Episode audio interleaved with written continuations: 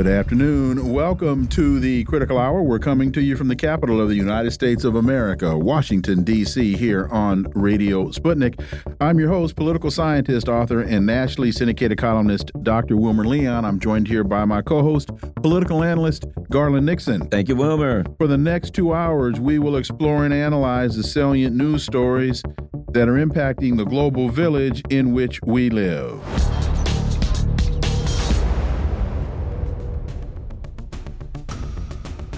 Sonar 21 has a piece entitled May Nation A Attack Nation B if B is supplying weapons used to attack Nation A. As I, uh, and it goes on, as this is written, the, uh, the Biden administration has not produced evidence that the attack on the U.S. base in Jordan was carried out with the help of Iran. Despite that lack of evidence, the usual suspects in Washington are braying at full voice for the U.S. to strike Iran. For insight into this, let's turn to our first guest. He's a veteran journalist, war and Middle East correspondent, Elijah Magnier. Elijah, as always, welcome back. Thank you for having me. Good to be with you. So the, the piece continues. This is one of the key rules of the quote rules based international order uh, end quote if you provide the weapons to a third party that attacks me then you are also culpable for that crime. Uh, elijah this is interesting also in the context of biden issuing an executive order today targeting israeli settlers who attack palestinians uh, because the united states is the entity that sent the weapons to the settlers. This is uh, hypocrisy. This is inconsistent. This is just total insanity, Elijah Magnier. Well, indeed, because we've seen also in the war on Ukraine how uh, 50 nations are providing weapons uh, to Ukraine against Russia and saying, this is not our responsibility. We're not at war with Russia, we're not doing it. And then we've seen how in Gaza things are completely different when the Americans, the Germans, and uh, many European states provided weapons to Israel to kill the Palestinians, weapons to uh, the settlers in the West Bank, because Benjamin Netanyahu, from the first beginning of the war, he has requested more than 200,000 rifles to distribute to the settlers under the title of defending themselves, which make the uh, Americans uh, really partnered in everything that is happening in Gaza. But I think we are omitting one thing that is important here is the law applies doesn't apply on the Americans and their allies. The law applies on all the others who do not fit with the Western club. So we need to understand that we're no longer talking about the respect of the international law or the Geneva Convention or the United Nations law and United Nations Charter, uh, because all that has been thrown in the bin in the last two years, and in particularly in the war on Gaza, where no side is respecting the law, and when the Americans are justifying anything the, Amer- the Israelis are doing. You know, we are in an interesting place also because the U.S. is, of course, saying, you know, okay, well, three American soldiers died, a tragedy if any human being dies, certainly, but um, that th as a result, they can strike at uh, strike Iran, which kind of implies that Iran ain't going to strike back. We're at a situation now where the U.S. is thinking about taking an action against a country that is the most powerful country in that region and could launch a devastating reply. Your thoughts on that? And uh, something that the U.S. is not accustomed to, that being in that position. Your well, thoughts? Can I add one more thing to that? As the United States is articulating its plan to strike Iran, it's saying, well, we probably won't strike Iran in Iran. What we'll do is we'll we'll strike Iranian officials that are in other countries. Elijah. Well, uh, I think Iran has demonstrated the capability of its drones and its precision missiles in the last couple of years. hitting objectives that are more than 1,200 uh, miles away from Iran and showing that is hitting particular objectives with um, high precision. Moreover, Iran in 2020, in January 2020, hit the largest US um, air base in Iraq, in Al Assad, uh, with 16 missiles and did not hesitate to challenge the US. So I don't think the Americans are going to hit Iranian targets. I think Iran control the Strait of Hormuz, Iranian allies control the Red Sea and the Mediterranean. Uh, the uh, Americans have bases all around the Middle East. So they have bases in Qatar, in Saudi Arabia, in Bahrain, in the Emirates, uh, in Kuwait, in Iraq, in Syria, and they represent sitting ducks really for the Iranian missiles. And Iran and its allies proved in the last war on Gaza and also during the presence of the Americans as an occupation force in Syria and in Iraq because the Iraqi parliament asked them to leave and issue an order for the Israel, for the Americans to leave the country in January 2020 after the assassination of the Iraqi commander uh, Abu Mahdi Mohandes and the Iranian general uh, Qasem Soleimani. So for that, we have seen how Iran and its allies do not hesitate to challenge the US. And in the last attacks on Ansarullah Houthis in Yemen, we have seen how the poorest country in the Middle East that was subject to seven years of war challenged the Americans and the British Navy by bombing them and saying, You shall not cross because you're bombing me.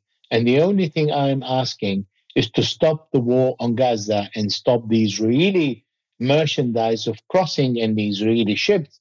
And you defending the crimes uh, against humanity and war crimes that are committed against the Palestinian population in Gaza, where more than 27,000 people, of which 70% children and women, have been killed without doing anything. So we have seen how all these uh, actors and non state actors, including Iran, are ready to challenge the Americans. And we have seen how America made the biggest mistake in challenging non state actors, America, that considers itself the strongest uh, power and hegemony in the world, uh, today it is easy to challenge the United States because of its failure in Afghanistan after 20 years, its failure in Iraq, where it's receiving hit by the Iraqi resistance, its failure in Syria because, again, the Syrians don't want the Americans to be there because they don't have the mandate to stay there.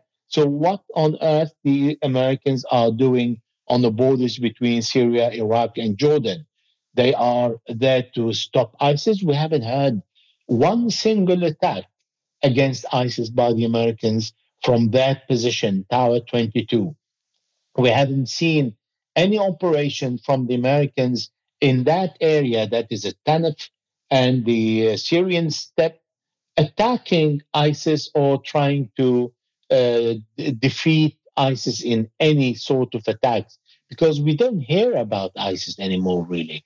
And the Iraqi government and the Syrian government are capable of fighting ISIS. So why on earth you put at risk your soldiers in the middle of a desert to keep them there while there is a war going on in Gaza and all those who support the Palestinian population are saying if you do not stop the war and you continue supplying weapons to the Israelis, you are part of the problem, as you, as the Americans are saying. So they accuse Iran of supplying weapons to their allies, where the Americans are supplying weapons to their allies, Israel in this case. Therefore, America is also responsible. So it goes both ways. Sputnik International reports, and to your point, uh, about militant forces that uh, are, are, saying if you engage, we will engage. Iraqi based militia Kataib Hezbollah is ready to retaliate against the U.S. with undeclared long range weapons at any time and place if Washington attempts to avenge the deaths of its three soldiers in Jordan. This is validation of the point that you just made. Well, America is supplying its allies with weapons in the Middle East. It is supplying the Kurds, supplying the Israelis, and supplying all those in the north of Iraq that are attacking Iran. It's inevitable that there is a, a competition between the American influence in the Middle East and the Iranian influence in the Middle East. The only difference is that Iran is at home, while the Americans are more than 10,000 miles away. And this competition is uh, manifested in Iran being generous with its allies and supporting its allies in, to stand against the Americans because the Americans just basically don't want to leave. They don't want to leave Syria because President Donald Trump said, I want the oil. And President Biden followed exactly the same uh, step. And he is taking the Syrian oil and the uh, bread basket of the Syrian is in the north, uh, east, and this is where the American forces occupy uh, part a, a, third of the country. And in Iraq, the Iraqis just, just saying we don't want you. And the reason why they're not increasing the attacks is because Iraq is still under Article 6 of the United Nations Security Council, where all the money of the oil falls into American banks. So this is what Donald Trump threatened the Iraqis, saying, if you want us, out, you will not get your money. And the Iraqis saw how the Americans withheld the um, eight to nine billion dollars from the Afghani and how they are confiscating the uh, Venezuelan money and gold and how they're doing the same with Russia now with $300 billion. So the Iraqis uh, count on 90% of their budget is uh, depending on the oil revenue. If the Americans withhold the oil revenue, then the country is bankrupt. And if the Americans impose sanctions on Iraq, so this is called bullying and threatening Iraqi and saying, if you want us out, then you have to pay the price. Well, the resistance, the Iraqi resistance, saying we are ready to pay the price, even if the government is not, and we will continue attacking you until you leave. As simple as that. And do you think um, uh, your thoughts on you know all the things you were talking about the afghan money the venezuela money et cetera and now the discussion of taking um, Russia's money, uh, Russia's for, uh, uh, uh, uh, funds, the effect that that will have on international capital. I mean, who in their right mind, including me, and I live in the U.S., would want to keep their money in a U.S. bank or, or financial institution? Nobody. Basically, everybody will start running away because they will feel unsafe. If the Americans start doing that with the Russian assets, now they're thinking about a legal way to do it and I'm sure at the end of the day, if they think this is an opportunity for them without affecting other countries, they will do it. But if they think this is going to have an impact on other countries where they're going to start withdrawing their monies, um, their uh, assets from the United States, then they will think twice. So they are today faced with strong countries like China, like Saudi Arabia, who have hundreds of billions of dollars uh, in uh, assets in the United States, and they're really waiting to see the decision of the Americans toward the Russian finance. And they have seen how the Americans are bullying countries like Iraq or Syria uh, and Venezuela uh, and Afghanistan. And they're not happy about it because this is one of the reasons why there is a BRICS organization, the Shanghai organization, where Saudi Arabia started to sell part of its oil to China with 30% paid in yuan. Iraq has started exactly the same because they are afraid of the American sanctions and they are afraid of what America is capable of doing in crippling their economy because they've seen how America did that also in Lebanon by just breaking the Lebanese economy by withdrawing all the dollars and preventing Lebanon from dealing with the US currency. And that was detrimental to the Lebanese economy. So they start looking for alternatives exactly because of the US behavior. Elijah Magnier, as always, thank you so much for your time. Greatly, greatly appreciate that analysis, and we look forward to having you back. Thank you so much. Folks, you're listening to the Critical Hour on Radio Sputnik. I'm Wilmer Leon, joined here by my co host, Garland Nixon. There's more on the other side. Stay tuned.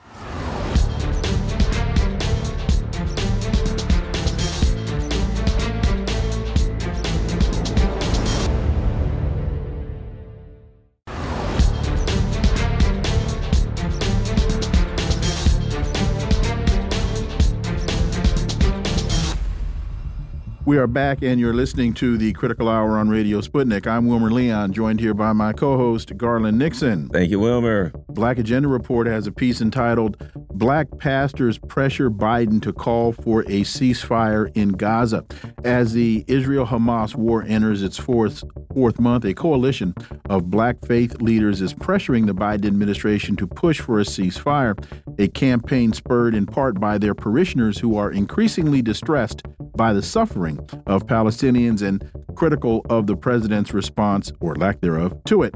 For insight, let's turn to our next guest. She's a senior editor and senior columnist at Black Agenda Report and author of Prejudential Black America and the Presidents, Margaret Kimberley. As always, Margaret, welcome back. Yes, hi. Oh, there, There we we go. go. There we go. So, more than a thousand uh, black pastors representing hundreds of thousands of congregants nationwide have issued the demand. The effort at persuasion also carries a political warning detailed in interviews with a dozen black faith leaders and their allies. Many of their parishioners, though these pastors said, are so dismayed by the president's posture towards the war that their support for his reelection bid could be imperiled. Uh, your thoughts? Uh, well, let, let me say, Margaret, this is one of the first times that I've seen the discussion about the threat of African American support for Biden tied to a specific issue that is incredibly relevant and morally based. Your thoughts? Yes, absolutely. That's why uh, we uh, this week reprinted this New York Times article. We thought it was significant that corporate media was, excuse me, that corporate media was giving attention to the black vote in a very serious way, that they were acknowledging uh, that um, uh, U.S. and Israel's action in Gaza have become a litmus test, a red line uh, for black people who do not want to see entire families killed, uh, who do not want this to be done with their money. Uh, to put it simply, the vast majority of black people see this policy as being wrong. And they know that the charge of genocide against Israel is also connected to the actions of their country. Uh, and I think it is um, it is quite a, a an excellent development. Uh, last week, I, I, wrote about the Arab American community, the Muslim communities, who say not only will they not vote for Biden, but they are working to defeat him, and that this is a good thing. This is something that Black people can emulate. And then we uh, uh saw this article which uh, backs up what I said. And uh, it's it's a it's very important that these uh, pastors uh, stood up and and actually did Biden a favor by letting him know. And and as he always says, it's like a throwaway line in his stump speeches. I wouldn't have been elected without you. That's true. And all he needs is to lose votes. All he needs is a lack of enthusiasm in some key states, and he's a one-term president. You know, Margaret, I bad news for them. Joe Biden could give a crap less about those people. And in a nutshell, to me, he'll tell them what he told them before. When they say our parishioners are unhappy, he'll say, shoot them in the legs. That's what the last time black people came and complained about something. Joe Biden's answer was shoot them in the legs. I expect that that's pretty much in one form or another what the black pastors will get from Joe Biden. And, and let me add to that. It, it's all as further evidence of Garland's point. If you remember, it was two weeks after he was inaugurated, and quote unquote black leadership was complaining that Biden had not even spoken with them since he had been sworn into office. And so they had this Zoom call oh where God. he insulted just about everybody on the call. Margaret. That is uh, Jim Crow Joe, um, as he's called, um, uh, a man as Obama himself said is not always self-aware in his, you know, very Obama-esque way of describing him. And and he also said never underestimate Biden's uh, ability to f stuff up. Yes, he's so we're talking about a man who's smart, talking about a man who's not physically well, who's too old for his job, and who you know thought it was a good idea to tell the story about corn pop and we could go on, but uh, the significance uh, to me is not about him necessarily. Uh, the significance to me is about the black vote, and that uh, black people hopefully are starting to remember that we got the changes we wanted to see when we made demands, and made demands knowing that the powerful didn't want to meet them. You make them anyway. So, and and even if electorally uh, Biden uh, doesn't pay attention, I think it's very important for us as a group of people to return to this tradition of opposing U.S. foreign policy, violence abroad. It's black people who've done that more than any other group, and to speak up to such an extent that um, uh, that these uh, uh, uh, religious leaders felt compelled uh, to uh, uh, to write this letter? Two things. One, I have some anecdotal evidence about we saw the UAW leadership come out and support Biden, but I've talked to labor in the UAW who say leadership doesn't speak for us. We're going for we're going for Trump because they're afraid of the move towards electric vehicles. Do you see a, a similar dichotomy within religious leadership where the pastors will go meet with Biden and he'll pat him on the head and they'll say, You got us. But the congregants, or what I would equate to labor, would say, Nah, man, we're not down with this uh, because we're backing we're back in the Palestinians. Do you see? Is that a fair comparison? It is. So we'll stick with that analogy and call black voters the rank and file, yep. as it were. Uh, the rank and file are not going to vote for. I, I believe 90% of black people who show up to vote in November will vote for Biden. The question is, how many will vote? Yes. How many will show up? Mm -hmm. How many will leave that line blank? All he needs is a lack of enthusiasm, and he's gone. Um, and uh, I, I think it's it's and it's very heartening to me that something happening on the other side of the world is of uh, such importance to so many people in this country. Most people uh, want a ceasefire. Mm-hmm. People want this to end, but we're always told that's off the table, that can't happen. The corporate media parrot what the administration says, but they cannot force people to change their minds. And this is also a split in the Democratic Party. I think that's always a good thing for uh, the, the, Democratic Party to be split um, and to suffer uh, electorally.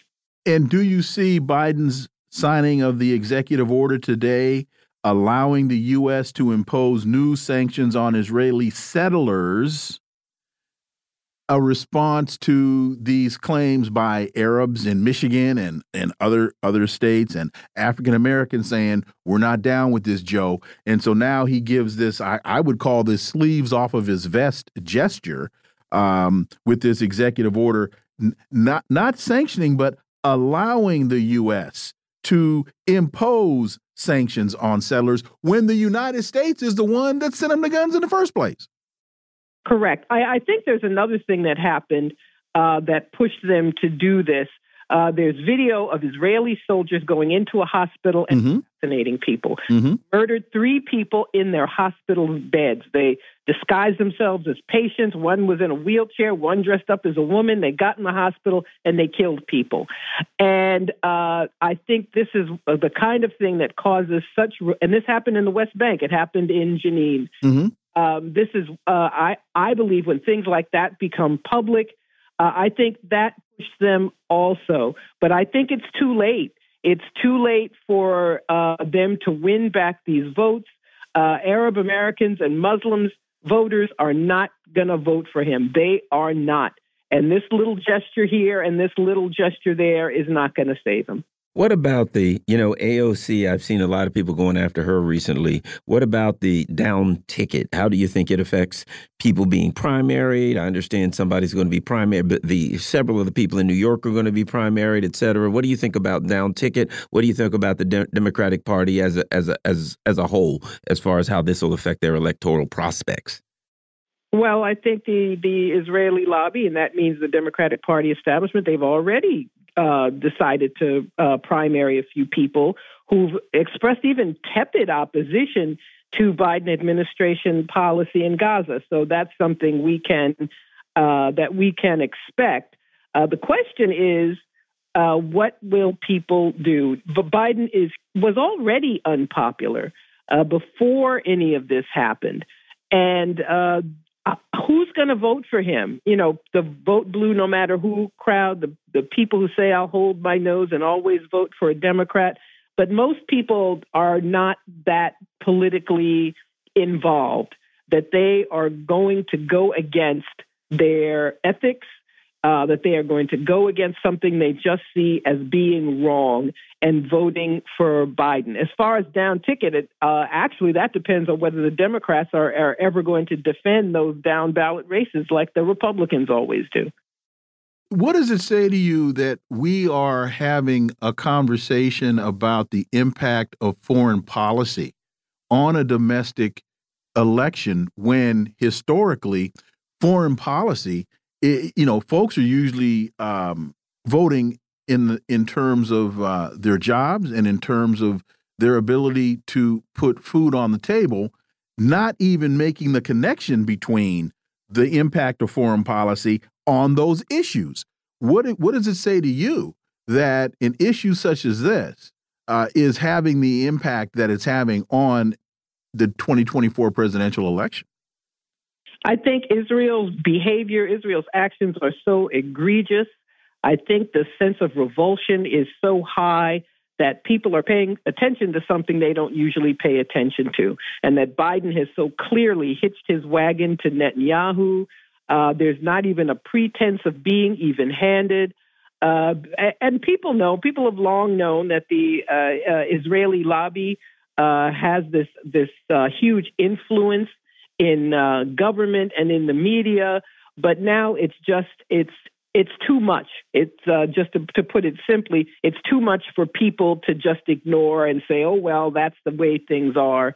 Uh, people are angry. To put it simply, they're very angry about what their tax dollars are being used. People were angry anyway. Mm-hmm. Uh, but to see your tax dollars go to this other country where people get free health care, uh, on your dime, but you're always told you can't have that. And to see this country uh, undertaking this wholesale slaughter of 25,000 people, half of whom are children, is just too much. And it's the kind of thing that will force people to sit up and take notice. And two things as we get out. One is I, I've been saying for quite a while that Israel has blown the world into reality by by in its uh, efforts to destroy Gaza.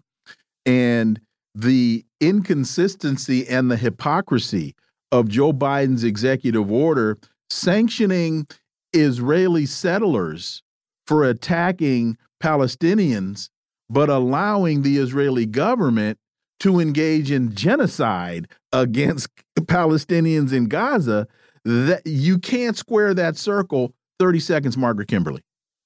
Absolutely, and nobody's fooled by that. No one's fooled, and in fact, it's an it's an insult.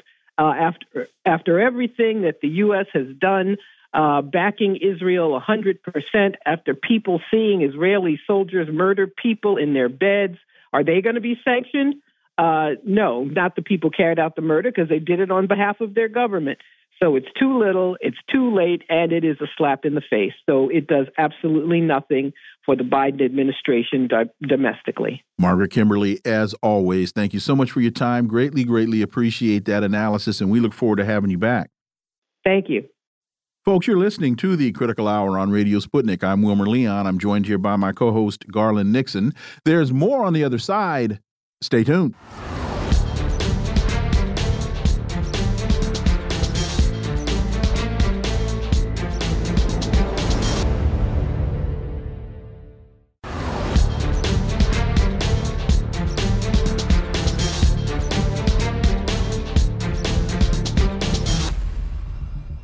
We are back, and you're listening to the Critical Hour on Radio Sputnik. I'm Wilmer Leon, joined here by my co host, Garland Nixon. Thank you, Wilmer. USAID's Samantha Power, genocide scholar confronted by staff on Gaza. A prominent advisor to President Biden, Samantha Power, was challenged publicly over the administration's policy, with one employee saying it has, quote, left us unable to be moral leaders, end quote. For insight into this, we turn to our next guest. She's the co editor of Popular Resistance, Dr. Margaret Flowers. Margaret, as always, welcome back. Thank you for having me back. It's always great to be with you. So, Samantha Power, head of the U.S. Agency for International Development, or USAID, and a world renowned scholar on genocide, was pointedly challenged by current and former employees who, during a public event this week, questioned her stance on the war in Gaza and complicity in the divisive policy. Quote, you wrote a book on genocide and you're still working for the administration. You should resign and speak out, said uh, Agnieszka Sykes, a global health specialist who told the Washington Post she left her job at USAID last week. It's starting to unravel. Margaret Flowers. Yeah, I think it's it's well, one, this is a great thing that this type of resistance is happening, but it just speaks to how egregious it is the the actions that are being taken by this administration to support the genocide in Palestine. And not only are we seeing, you know, this type of confrontation uh, against Samantha Powers, but federal employees uh, from a, lots of different agencies have been sending letters, holding protests, taking action. You have congressional staffers, hundreds of them that called upon their bosses to support a ceasefire. You have White House staffers, executive office staffers protesting outside of the White House, uh, calling on uh, President Biden to demand, you know, to push for a ceasefire. The fact that people within the administration who are risking their jobs often to take these actions are speaking out, um, I think is, is an important and just shows a real shift in this country and just how morally bankrupt this administration is for supporting genocide. And if you think about it, these people, they're already working for Samantha Power. This ain't their first rodeo in the genocide, uh, you know, category. They've done Libya. They've killed unmentionable thousands of people, and they've been on board with it. And this one's so bad that even these genocidal ghouls they got to jump off the bandwagon. It's almost to me like when kind of like Al Qaeda said to ISIS, "Yeah, we're pretty bad and we want to cut a lot of heads off and stuff, but you guys are taking it a little too far." That's kind of the way I see a bunch of people who are already on board with a genocidal psychopath and finally says, "All right, you're taking it a little bit too far." Margaret. Oh no, I think that's exactly right, and I think, but I, I think that also some of the people that go to work in these institutions don't fully have a, you know, a good political analysis of what it is that they're actually working for. And we know that the the USAID, which has AID aid in its name, uh, is an is an institution that has really worked hand in hand with the CIA to undermine governments all around the world to uh, to you know put in place support for organizations, media, nonprofit groups within countries that are strictly there to destabilize the country so that the United States can try to overthrow their their governments and you know put in place a more friendly government that the U.S. can take advantage of. So it's definitely not a benign institution by any means. Um, and and you're right. It's the fact that they've you know this is a, an overreach point. I think we're seeing that in so many different areas though right now. The kind of overreach of the United States and its Western allies and the whole world is is seeing it. But it's great that folks are seeing it here too.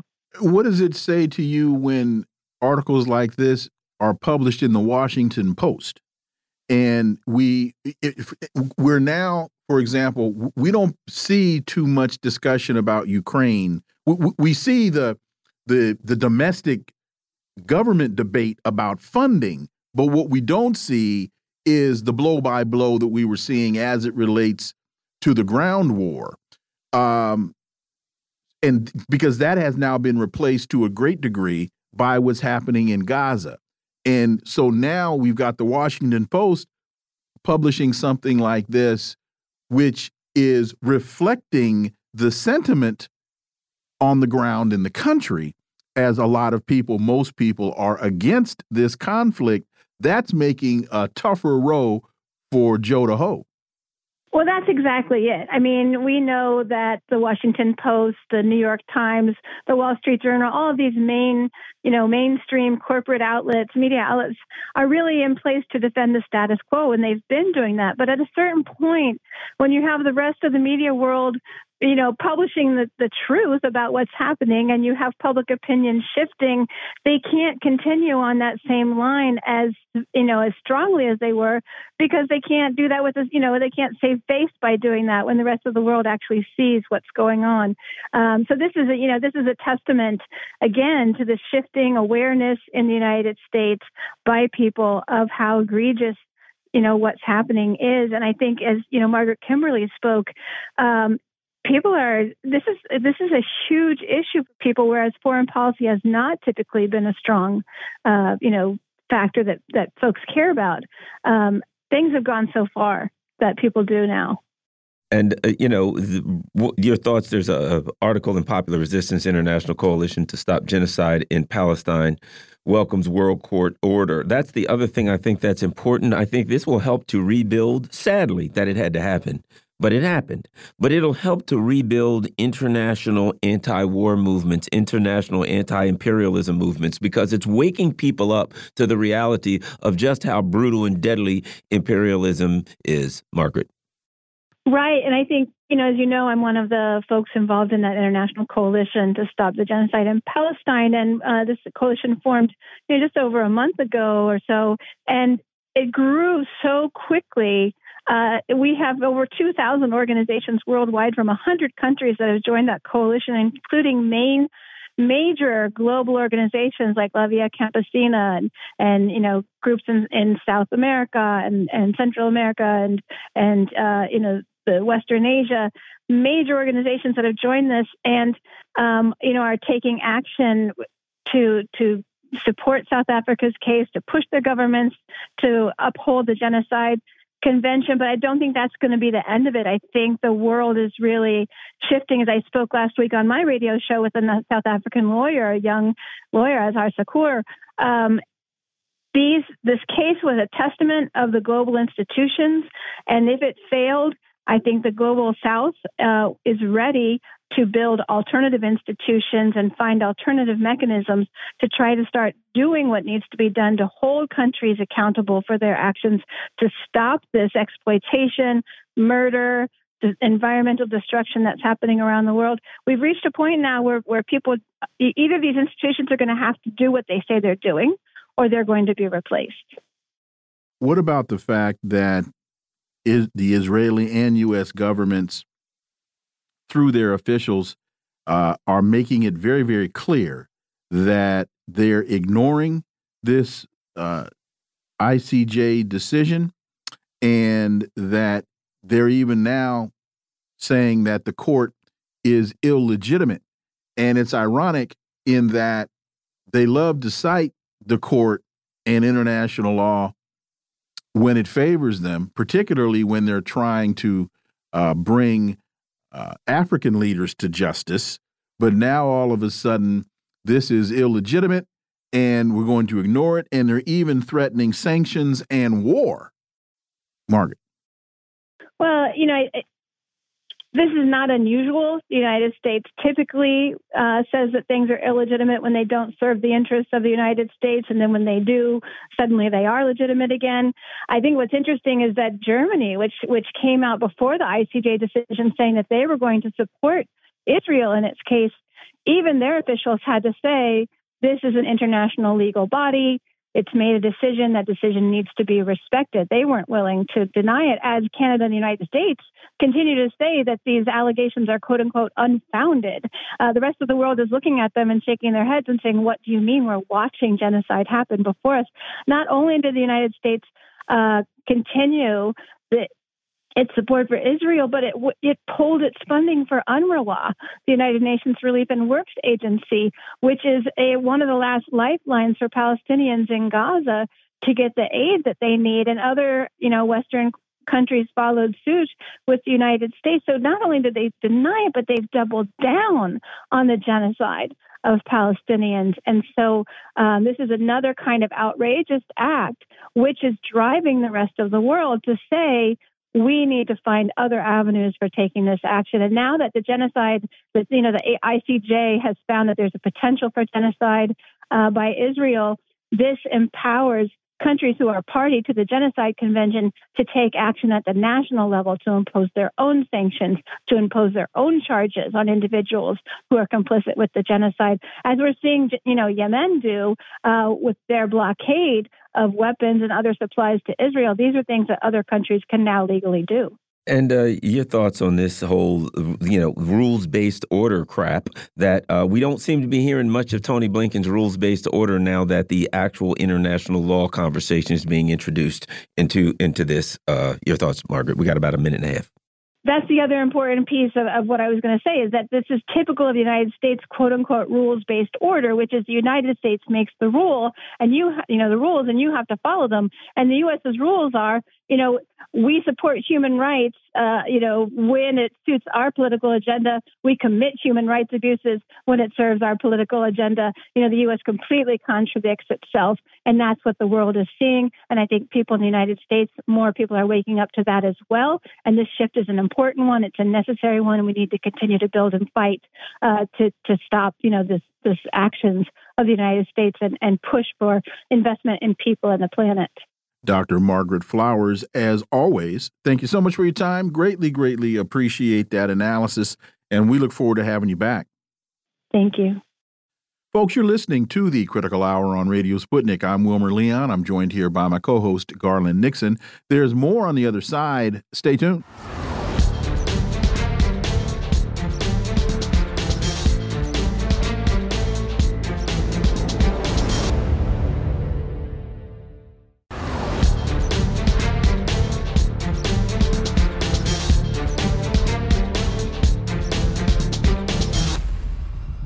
We are back, and you're listening to the Critical Hour on Radio Sputnik. I'm Wilmer Leon, joined here by my co host, Garland Nixon. Thank you, Wilmer. RT reports White House staffer reveals concerns about Biden's mental state. A cybersecurity analyst has told an undercover journalist that U.S. officials are privately worried about the president and his VP. For insight into this, let's turn to our next guest. He's a political activist, independent journalist, and podcaster, Niko House. As always, Niko, welcome back. There we go. There we go. All right. So, uh, a White House aide has admitted that his colleagues are worried about U.S. President Biden's deteriorating cognitive skills and the unpopularity of his vice president Kamala Harris, but they can't publicly voice those concerns as the president seeks reelection later this year. A couple of things, Niko. One, when I first read the piece, uh, you know, I I was was wondering, well, who are they talking about? Who who's this undercover journalist? But when you go to the video, oh, it's all very clear. You know, I was expecting people in shadows wearing clown masks and rubber noses, but this is just a, a, a clear, open conversation. And the other thing that is intriguing to me about this paragraph is that they they say they can't publicly voice their concerns, but you have people such as David Ignatius, you have people such as um, you know, now I'm drawing a blank on the folks' names, but folks that are very high up in the Republican elite hierarchy that have published articles in the New York Times saying, Joe, it's time to go. Your thoughts, Niko?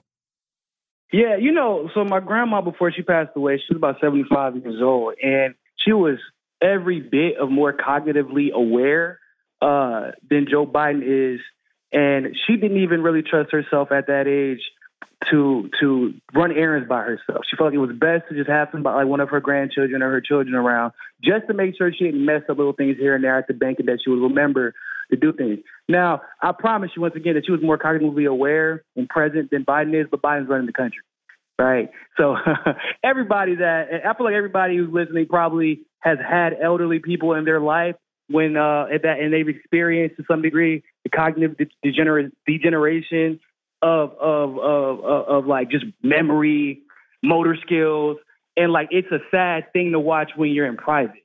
But we're all watching it. Everybody's seeing it happen. Like you said, there are videos on the internet, and it's not even uh, uh, uh, more more than thirty seconds, and we can all see this man has problems. This, is is almost once again elderly abuse the way they're trying to force him to stay in power. But I believe personally that there are some powers that be that are fully aware of it, and in fact, they're planning on taking advantage of it. If if you let him stay in the race until the convention, guys, I think both you and I know Democrats don't really give a damn about what the election said, what the primary said. They got this thing called super delegates. And all of them can flip when they feel like it the moment the convention comes up. And the Democrats aren't really known for running clean conventions as it is. They they've done coups mid convention multiple times. And Gavin Newsom is still there. Only person that's denying that Gavin Newsom is here to replace uh, Biden in the future is Biden in his camp. That's it.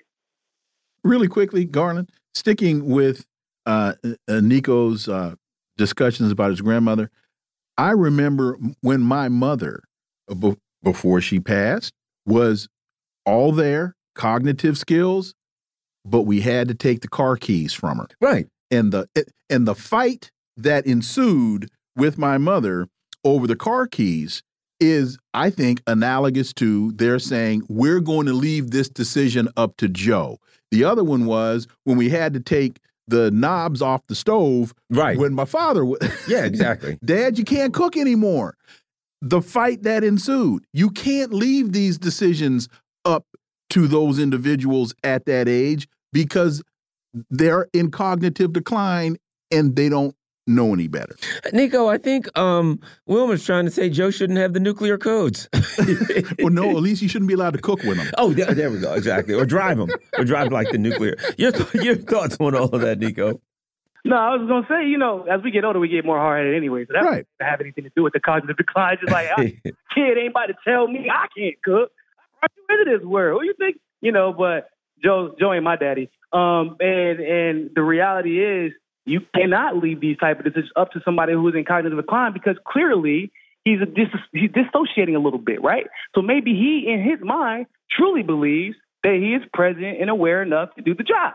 But that's what makes him crazy. Is because how could you possibly think that? So, so Niko, with, with that understanding, then what's behind the elite in the party sticking with the bit?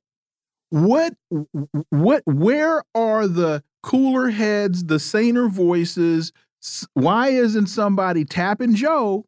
And well, we know through, we know through the article. Well, his insurance policy. you get my question, Niko. Is is is? But we don't. But see, what we know, she'll go away. And yeah. they'll, they'll, tell yeah. her, look, don't go away mad. Just go away, and we'll take care of you. Oh yeah. But you got to go. So, so Niko, why why is this so difficult? And why are they going to wait all the way to the convention before before they make the move? So there are a lot of reasons. So first of all, you got to think if you say that he isn't able to run and be president because of cognitive decline, that isn't a November problem or a, a, a July problem. That's a today problem. You got to remove him now. And you're putting Kamala in power immediately. No, you you don't have to say he doesn't have to come out and say I'm doing it because of cognitive decline. He can just come out and say, "You know what? I ran 4 years, I did my thing. I'm going to allow the next wave to come in and and and and move this thing forward." Now, Wilmer, we, we you and I both know the empire and its, its little puppets don't just see power because they just just hey, it's the right thing to do and it's the right time to do it. Not in ever have we ever seen that happen. So no, and because people are pushing for him to to uh, to to basically bow out gracefully because of his cognitive decline. If he decides to do so, before the convention, then it's still going to be the assumption that okay, we got to do further assessments because he actually could be a potential danger to the country and he can't make uh, uh, good decisions. So there's that. Then you end up leaving Kamala in power out there. Like, I feel like that just ultimately one, it makes it it makes the Democratic Party uh, look even weaker because she's just deeply unpopular. But now you have a different problem because the guy that you want to put in power now has to go toe to toe with the president and potential future boss. Black Star News reports the U.S. government has fabricated the bogus charge that Chairman Omali and the Uhuru movement, uh, Omar Yeshitela and the Uhuru movement are Russian agents to justify putting the 82 year old Yeshitela in prison for the rest of his life and silence him and his lifelong fight for the liberation of Africa and African people worldwide. The Uhuru movement um, are calling on people to defend them against FBI arrest and imprisonment. Your thoughts? Uh, so I actually covered this story when it first broke. It was a, uh, it's crazy because I feel like it's been a couple of years now, and it's crazy that this is really just RussiaGate. We're still talking about RussiaGate effectively with this story, um, and basically all they were guilty of was just attending a conference and speaking at a conference. Not anything different than what a lot of people have done over the last several years you know, even Jill Stein went to, to Russia to, to speak at a conference and they didn't, she didn't have her house ran in, but it, it goes back to not only the Russia gate and them going to Russian speaking, but then once again, I think that you, you guys and I both know whenever a black person says it is different. Whenever a black group says it, especially when they have time, experience, and clout in uh, over the course of not just a decade, but spanning several decades, is different. Whenever you need to, and also unfortunately because of that, whenever you need to make an example out of anybody, a lot of the times we're first in line. Garland, I know uh, you still not on X, so I'm assuming it's okay to put you in that category. Usually, they they make examples out of us first, right, before they go ahead and test and, and lab test the masses. So it's it's really sad and it's really disheartening to know that this is still going on. You would have figured that it would have been turned uh, turned uh, overturned and just dismissed by now. But um, like like like I said, they they're not going to go back because now if they they get to clear if they clear their names, it's just another notch on the belt of look another lie that they told about Russia in an in an advocacy group, and it can be used to the advantage of those who want to call it the empire. So that's that's what scares me that they're just going to follow through, not because it's justified or lawful, but solely because they don't want another dub or excuse me another L in this whole RussiaGate scandal. MSN has a piece confronted with Biden versus Trump. Black voters could opt for voter apathy. The Democratic Congressional Campaign Committee has recently unveiled its ambitious $35 million initiative named POWER, which is an acronym Persuade, Organize, Welcome, Educate, reach the people, aimed at persuading and mobilizing voters of color to reclaim the U.S. House in the upcoming November elections. The first thing that jumped out at me, Niko, was the reference to voter apathy, because when eh, we just had this conversation uh, with with uh, Margaret Kimberley, and that is these folks aren't apathetic. These folks are understanding policy they're against genocide and they're not going to vote for genocide Joe. That's a that's not apathetic. That is a conscious decision based upon policy. And when I look at this acronym, persuade, organize, welcome, educate, and reach, there's nothing in here about policy. We got a minute and a half, Niko. You know, it's crazy. You already had the word reach, so maybe you didn't need to put like P as as, as persuade. Maybe you should have put policy as the first as the first letter. If also, I'm kind of deeply offended by the fact that they decided to use the word power. Like that was clearly a focus group tested acronym. And y'all like, this is definitely gonna black people on our side, man. You know, they love feeling powerful. We ain't gonna offer them anything, but we're gonna make sure they feel powerful because that's what we like to do. We don't really like to offer anything substantive. But I am so glad that you made that point because when you call black voters apathetic, it has a few. It, it tends to insinuate that we're ignorant, mm-hmm. therefore we're we're not. We don't want to get involved. We're misinformed, and therefore we feel uncomfortable with getting involved. Like it, it takes away the fact that our decision is deliberate, correct, conscious, and conscious, and it's insulting because, like you said, black voters aren't apathetic. You can actually you can take away the fact. Take away the fact, for example, that uh, the, the the genocide in Gaza is going on, and that a lot of the young black voters, a lot of the old black voters don't even care about that, and yet and still you're losing them too. They lost Snoop Dogg. Snoop Dogg. Right. Did you see him with Trump saying, "I got nothing but love"? They when you when they lost Snoop Dogg, they're in real trouble. So here's the thing: as we get out, do you want strychnine or arsenic? Uh, I don't want either. Oh, you're apathetic now. Yeah, right. Uh, no, I just don't want poison. And no, I'm just extremely passionate about living. And the and the lesser of two evils is still evil. And I'm not going to vote for evil. I always call it the, they they want us to vote for the evil of two lessers. Niko House, as always, man, thank you so much for your time. Greatly, greatly appreciate that analysis, and we look forward to having you back. Folks, you're listening to the Critical Hour on Radio Sputnik. I'm Wilmer Leon. I'm joined here by my co host, Garland Nixon. There's another hour on the other side. If you can believe it, there's another hour. Stay tuned.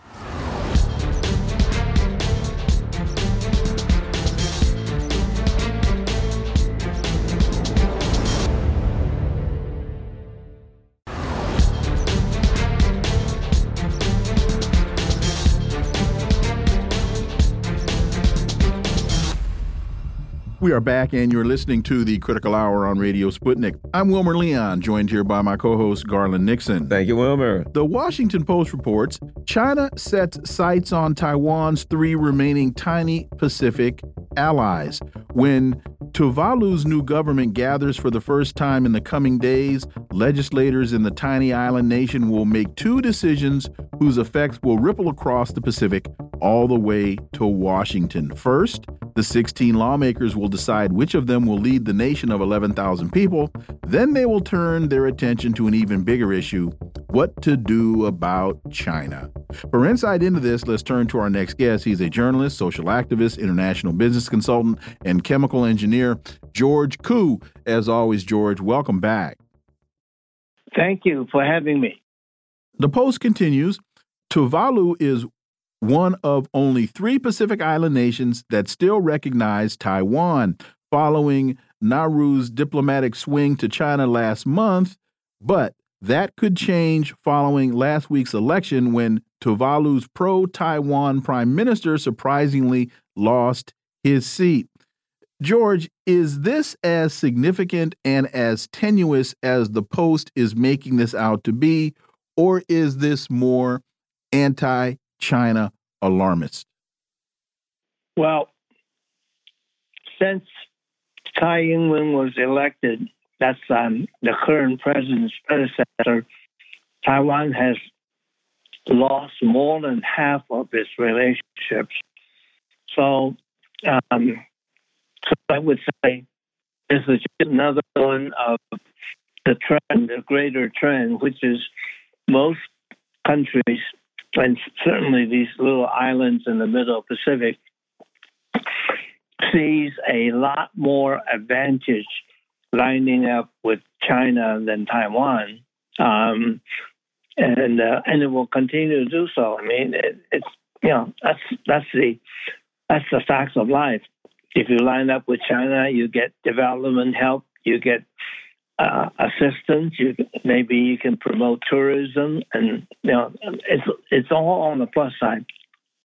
George, and when you look at that, the Washington Post having this discussion about the U.S. vying for islands off the coast of China. It gets back to that imperialism again. The U.S. saying, well, we don't hear China saying, yeah, we're trying to we're in the Virgin Islands and uh, Puerto Rico and, you know, trying to uh, compete with the U.S., but the U.S. is going around the world as you know, homeless camps everywhere in the United States, poverty, infrastructure crashing in the United States, and the U.S. is going around spending its money on imperialism, trying to compete with China in its own sphere. George. Yeah, and and it's not competing in a way that's very effective frankly, because China is pro- proposing uh, development projects that will help the, the, the local go- uh, government and the local island and country. U.S. goes around and say, we promise you security, and we get you security by having our troops um, located on your bases. and um, and more and more it's obvious to countries around the world that that's not very uh, comforting and and and not necessarily beneficial. This piece, this would be funny if it wasn't so pathetic. As China vies with the U.S. for power and influence in the Pacific, it has tirelessly tried to pry allies away from Taiwan by many means, chief among them, money. It has offered much needed funds to struggling island nations like uh, Nauru and allegedly doled out envelopes of cash to officials, an accusation Beijing denies. China has approached Pacific politicians as they travel overseas, inviting some to lunch and surveilling others. Well, this sounds like uh, lobbying to me. It, it, this this sounds this sound you know what do the Koch brothers do? I wonder if they surveilled Angela Merkel. Oh no, wait a minute, that was Obama. My bad. Oh, and what is what is Nancy allies. Pelosi asking the FBI to do? Investigate people that are using their First Amendment rights in opposition to Gaza. Uh, so, by the way, they make politics sound so nefarious here. And the one thing that China hasn't seemed to have done is assassinate their leaders and overthrow their governments. George Koo. Well, I I think you hit it uh, hit the nail on the head. It's what we call relationship building. Oh, that's what that is. oh, wow! Thank you. See, George, that's why we have you on the show. well, when I come to when I come to Washington and you can take me out to lunch, that would be relationship building. It's not gonna it's not gonna bribe me in uh, in any material way, shall we say? I I don't I don't believe that China goes around handing out pocket um, envelopes of money because that's just not in consistent with their foreign policy. Nor is it very smart because, frankly, you bribe the official today, you know, it may not last. That official might be around tomorrow, and, and as we see here, they get unelected from time to time. So, what's the point of making personal gains as opposed to giving them the whole country gain as like infrastructure projects? Well, and here's the sentence. As China vies with the United States for power and influence in the Pacific. So right now, the U.S. is trying to, they're building bases in Finland and Sweden on Russia's border saying we have to expand our operations in the Black Sea. Right now, we have illegal occupation bases in Syria and Iraq where the people are saying, Will you leave? And we're saying, Nah, we ain't leaving. We, that ain't what we do. And we and, blew up the Nord Stream pipeline. Yeah, of course, yeah. We just, we completely overthrew and blew up and destroyed Europe. That That's done. They kind of volunteered for that. And here we are again, going around the world, vying for power everywhere. No wonder we're broke. George. Right.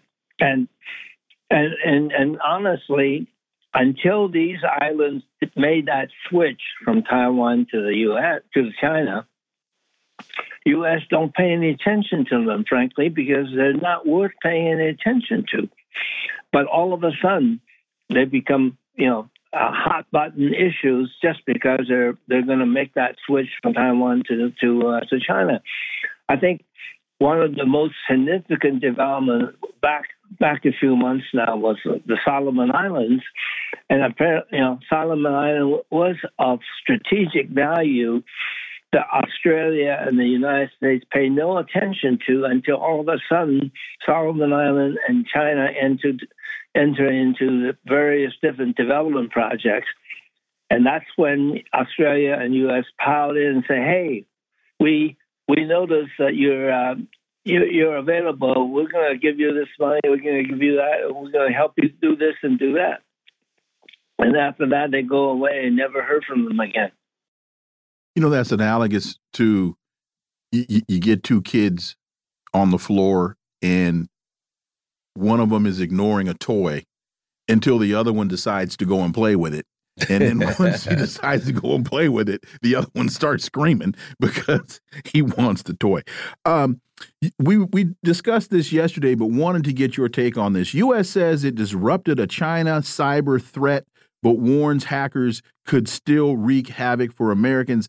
FBI Director Chris Wray spoke before uh, Congress and just gave a whole bunch of, well, it's possible that if China decided to, then they might one day. I mean, it was all supposition, it was all theoretics. It there was no evidence offered, George Koo. Well, I, I, my respect for um, for for FBI Director Wray is um, probably as low as you can get. I, I never, I consider him dripping with xenophobia, and it's, and he has his consistently taken cheap shots at China because it doesn't cost him anything, and it makes him seem like he's doing his job. Um, and who, you know, who is to? How can you challenge this general statement that he makes? Uh, I, I don't, I, I don't find it credible. But on the other hand, there's there's no way that you can actually specifically refute something that he says that is so non-specific.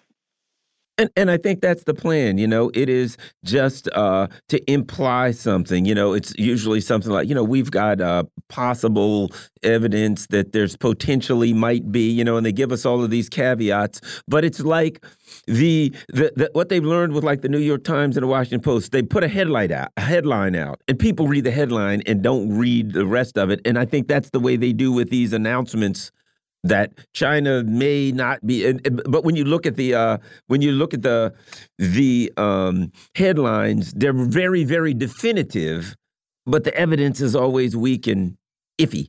But it's the same story that we heard four years ago about Russia. oh, they're going to threaten our water treatment plants, they're going to crash our electric grid, and they're going to kill our transportation system. Those are the very same three things that we were told four years ago that Russia was going to do to us, George Koo. You got to add sow discords. The Chinese oh, are and sowing so, and discord, so discord, whatever yes. that means. And I guess they'll close all Chinese restaurants in the country. Oh no! Yes. Oh, that's George Koo. That's the war for that, buddy. Well, I think I think it's it, it is assassination by innuendos, and and it's probably um, by keeping American public sleepless at night. It's it's good for the sleeping pill industry. Also, uh, the uh, South China Morning Post: China willing to keep in touch with South Korea on first phone call between top diplomats between Wang Yi and Cho Tae-yul. Um, your thoughts on this? Is kind of a weird, a weird article, but make some sense of it for for us, George. Well, what, what the article is saying is that the relationship between Beijing and Seoul is um, probably as as cool as it, as it has been historically, and that's probably because the the current president of South Korea has been a you know a serious loyal lapdog for the United States and are not doing anything that would be considered friendly to Beijing. So obviously, when there's a new foreign minister appointed, um, Beijing is is not you know, moving quickly or promptly to make a phone call, and, and that's just a signal to Seoul that uh, we're we're, uh, we're not quite so keen, and you know we'll take our. Uh oh, I think we lost George. I think, yeah, I think we've lost George Koo. Well, in absentia, let me say, George Koo, thank you very much. Greatly appreciate it.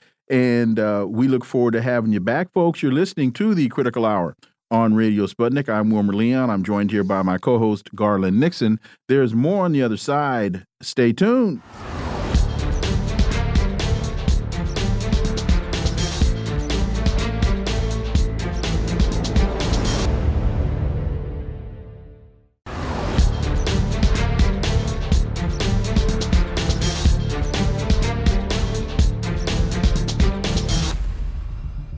We are back, and you're listening to the Critical Hour on Radio Sputnik. I'm Wilmer Leon, joined here by my co host, Garland Nixon. Thank you, Wilmer. Axios reports Biden issues executive order targeting Israeli settlers who attack Palestinians.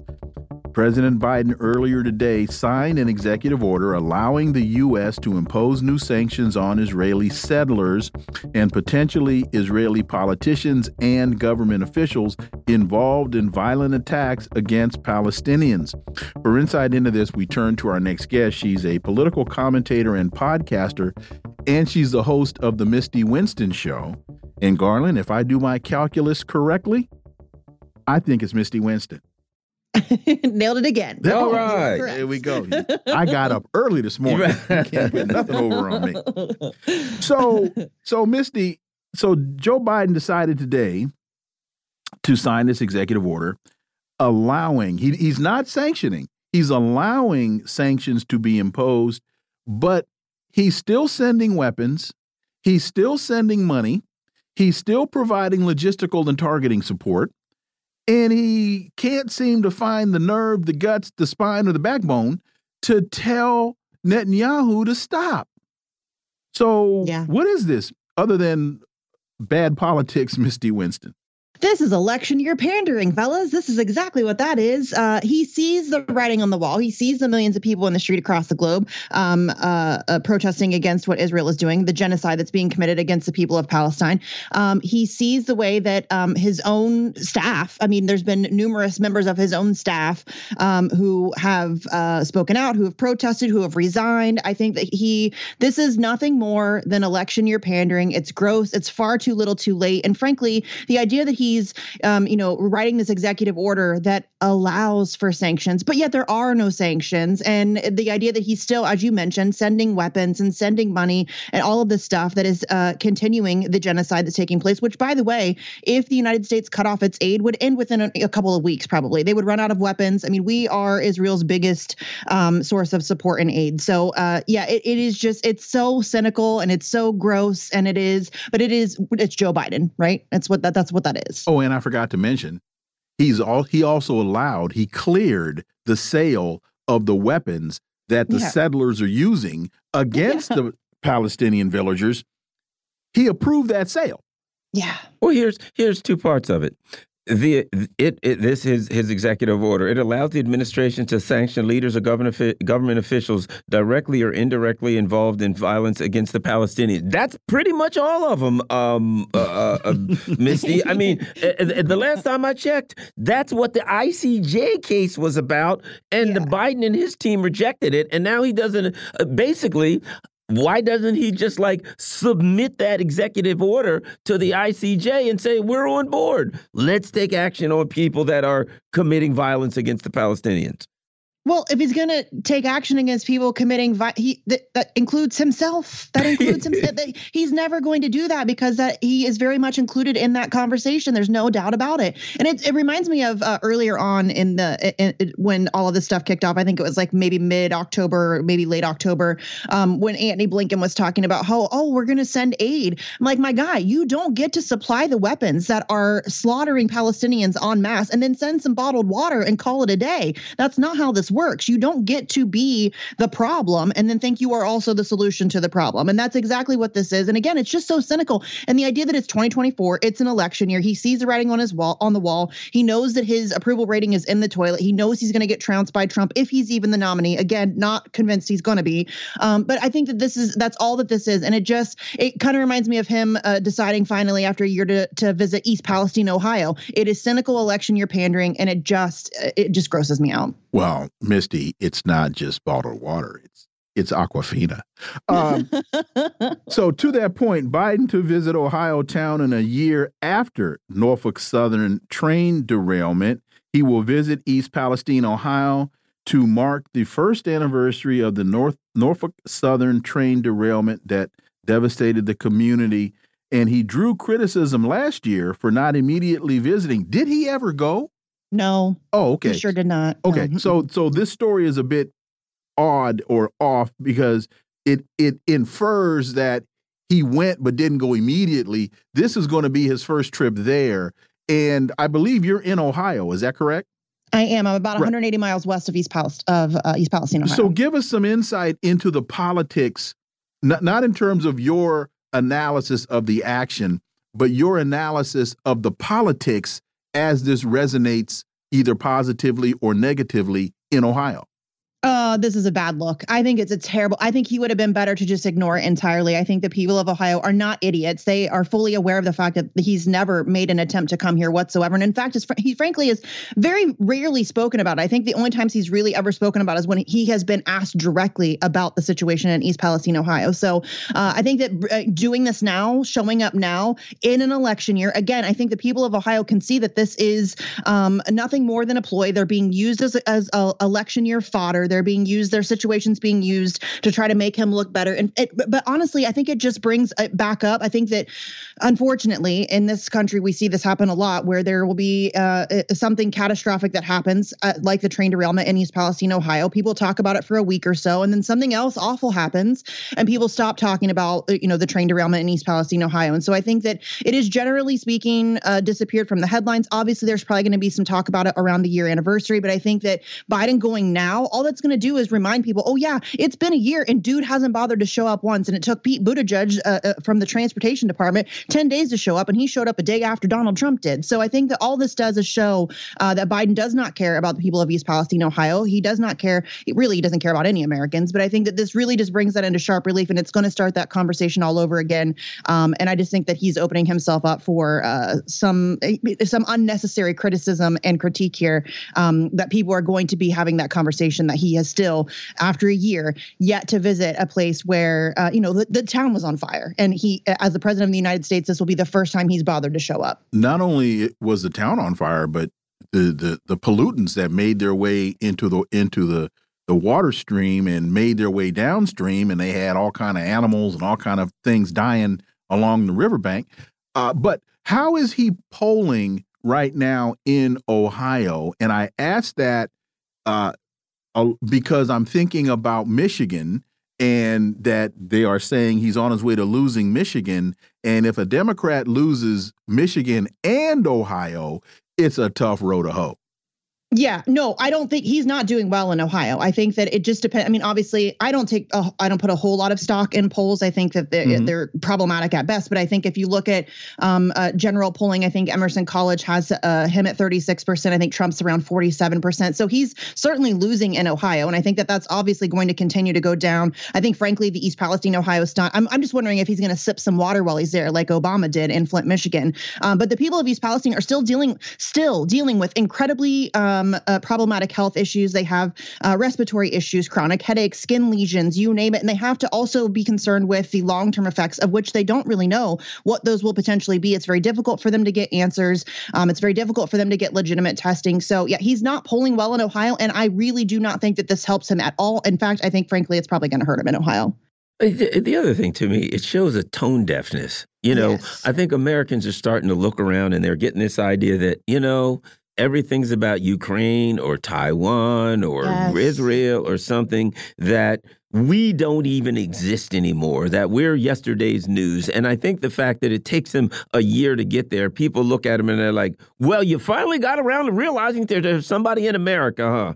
Right? Yes, and that's what I think is so uh, problematic about this. How many billions of dollars have we sent to Ukraine in the year since East Palestine? How many billions of dollars have been sent? How many how, how many dollars have the people of East Palestine been given by the federal government? How many doll? I mean, dude didn't even show up. Couldn't even be bothered to show up, let alone provide aid or support for them. So yeah, I think that, and that's been uh, uh the people of East Palestine. The mayor there, uh, he's talked about that uh, ad nauseum. He's uh, spoken about that many times. That you know, you've got billions of dollars to send to Zelensky in Ukraine uh, and you have nothing for the people of Ohio, it's absurd. And so I think, again, that this is just going to further that conversation. It's going to open that conversation up again. I know that the mayor of East Palestine was once again on Fox News talking about this, trashing Joe Biden for not bothering to show up in the past year. Um, and so, yeah, I, do, I don't know what he's thinking. I don't know why he thinks that this is a good idea for him.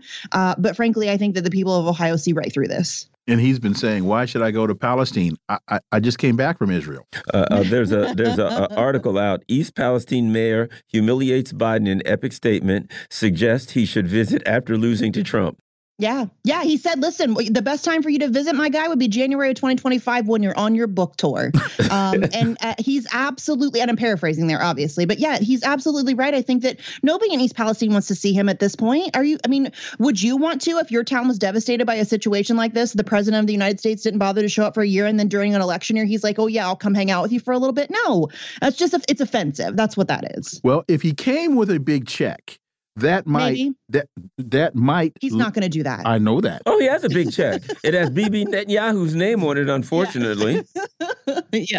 Fani Willis subpoenaed for hearing on misconduct allegations in Trump Georgia case. An anticipated hearing over allegations at Fulton County DA Fani Willis engaged in an improper personal relationship with the lead prosecutor in the election interference case against Trump is beginning to take shape with subpoenas issued seeking the sworn testimony of Willis and others in a proceeding that is likely to determine whether the case proceeds. You know, uh, Misty, this went from appearing as though it was a slam dunk to why are you even on the court, no pun intended, in the first place? Right. It's so messy. This got real messy real fast. And I don't know what they were thinking. I don't know what this Fani Willis woman was thinking. Uh, you know, be, first of all, being in an extramarital affair when you're in a position of power, that's always a very tricky situation to be in because people are always looking for dirt on you. Uh, but then to be in that that situation and then also hire the guy that you're sleeping with, allegedly, um, to to be a co-counsel on this massive, monumental, historic court case against a former president of the country uh, and think that nobody's going to catch on, nobody's going to notice. It's fascinating to me that it took this long for people to to catch on to this stuff. Was nobody paying attention to who she was hiring? Um, but yeah, this is uh, this this should have been a slam dunk, and frankly, I it, this is so messy now that I don't know how. I, I honestly don't know how it continues at this point. Let me ask you this, Missy: Am I wrong in having the feeling that because of this? the Trump people will be able to drag it out till after the election. That's what everybody's saying. And that when the people prosecuting this case, when the judge comes back and says, uh, we probably won't be able to try this till after the election, they'll be like, ah, never mind. That, that kind of defeats the purpose.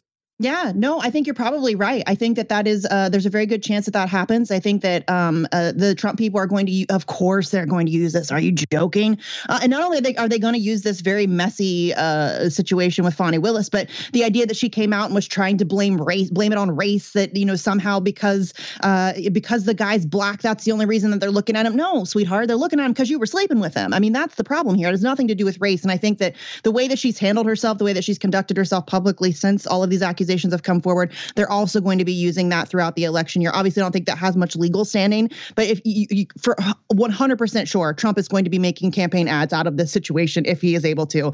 Um, so yeah, they've really set Trump up here for a, a massive win, I think. Well, in fact, that's a great point in that the outcome of this, as it relates to the MAGA crew and his ability to market this, the outcome yeah. of this is really irrelevant.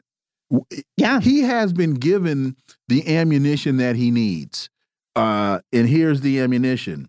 Fani Willis subpoenaed for hearing on misconduct allegations. That's that's all that's necessary. The, the yeah. rounds are in the chamber. The, the rest of it is uh, and here's the other interesting thing is a lot of the a lot of the uh, supporting documentation from all of this came from none other than her lover's spurned estranged wife. Uh, boy. Yeah. Yeah. Yeah. So messy. And yeah, you're absolutely right. The At credit cards, it, receipts, and all that stuff came yeah. from her. Yes. Yeah, because they were taking all kinds of vacations on taxpayer dollars. I mean, that's I mean the, the, the corruption that is involved here. I think that Donald Trump's going to have a field day with that. I think that you're right. All of this uh, all of this stuff has made everything else irrelevant because they have given and it's like it's like are you trying to help him win? Cuz that's what you're doing. I mean, it's just so mind-blowing to me that this is uh that they've handled this so improperly. But yeah, you're absolutely right. That this is nothing but a win for Trump. I think he walks away from this absolutely unscathed and probably better. Yeah. Probably in a better position. Because people people. There's people. There's people that have up their made up their mind. I'm that he's terrible. Oh, they're after. But there are people that are kind of like, well, I'm not sure. He's they're charging him, but he says it's all a a, a witch hunt. And then they see this, and they're going to be like, yes. oh, wait a minute. You know, you see That what I looks mean? Like a witch hunt. Yeah. Yes. There are people who are on the fence who are like, yeah, I don't really like him, but you know, and then they see all this stuff come out and it's, uh, he said it was a witch hunt. Look, this looks like a witch hunt. He's, oh my God, he really must be fighting the establishment. He's not, obviously, but I think that they have done nothing but help him solidify that mythology that surrounds him. It, it's a witch hunt, and she turns out to be the witch. Right. Um, two other points, really quickly, of staying with her. One is there were a lot of people that didn't like her. Some will say persecution of those teachers that she, uh, uh, Oh, I you know, forgot about that. persecuted using RICO charges yes. and this whole Cop City thing where she wanted to persecute protesters against Cop City on RICO charges. Yes. Uh, her stuff is really starting to stink, Misty. Winston. Yeah. Again, this is incredibly messy. And I just, it's very curious to me that nobody was nobody thinking this through, was nobody looking at long term implications? Or again, are they trying to help Trump? Because at this point, it's hard for me to believe that they're not, because it seems like every step that they take does nothing but help him. So yeah, I'm, I, I, I can't wait to watch this play out. It is, uh, grab your popcorn. It's going to get super interesting, I think. Misty Winston, as always, thank you so much for your time. Greatly, greatly appreciate that analysis, and we look forward to having you back. Thanks, fellas. Anytime. Folks, you're listening to the Critical Hour on Radio Sputnik. I'm Wilmer Leon. I'm joined here by my co host, Garland Nixon, and there's more on the other side. Stay tuned.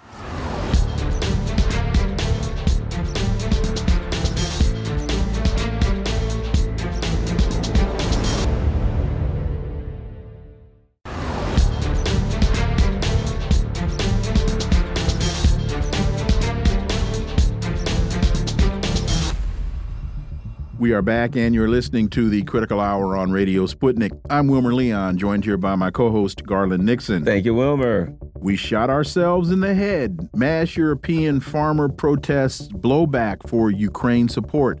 After farmers blocked highways leading into Paris last week, farmers from several other European countries have followed suit, protesting against their country's dropping of fuel subsidies, green regulations, and dropping sale prices. For insight into this, let's turn to our next guest. He's an independent investigative journalist and author of three books The Frozen Republic, The Velvet Coup, and America's Undeclared War. Daniel Lazare. As always, Dan, welcome back.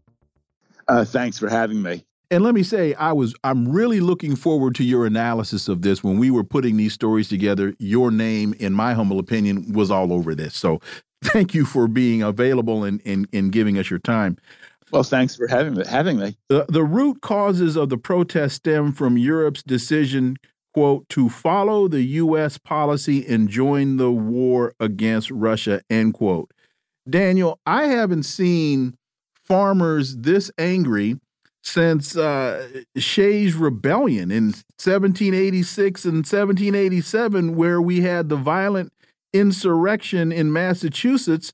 Farmers seized control of court buildings, uh, preventing the state government from taking possessions of their farms after the Revolutionary War. Daniel Lazare. Yeah, it's a it's a very very big deal, no question about it. Um, uh, these these protests are springing up all across the continent, uh, in um, in Germany, in France, Eastern Europe. Uh, they're very big, and they're really having a a tumultuous effect.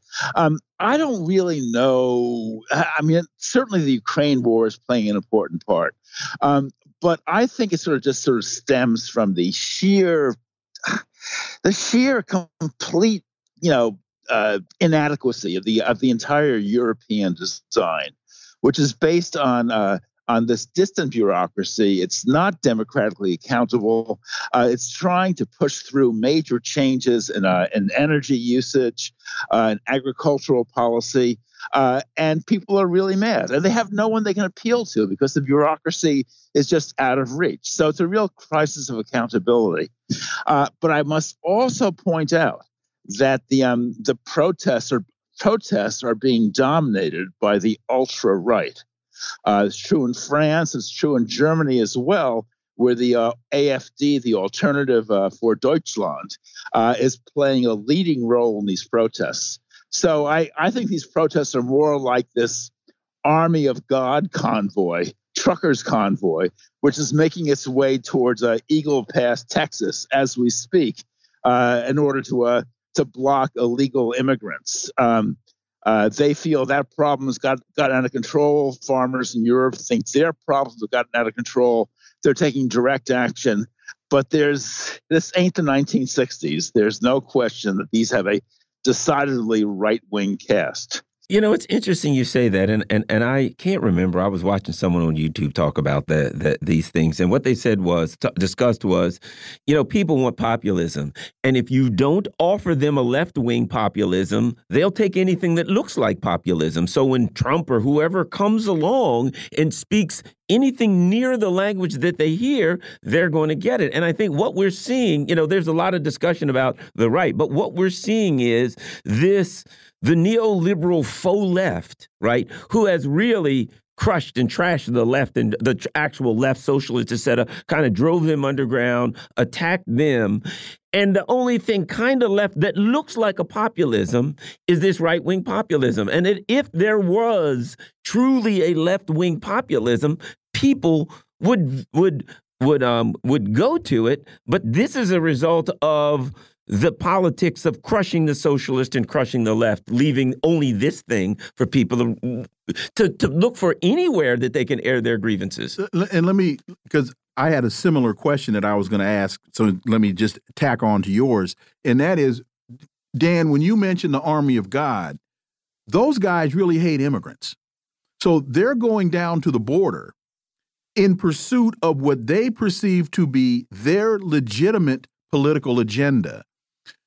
My question about the the ultra right in Germany and in Europe are they using this as a understanding the populism behind it?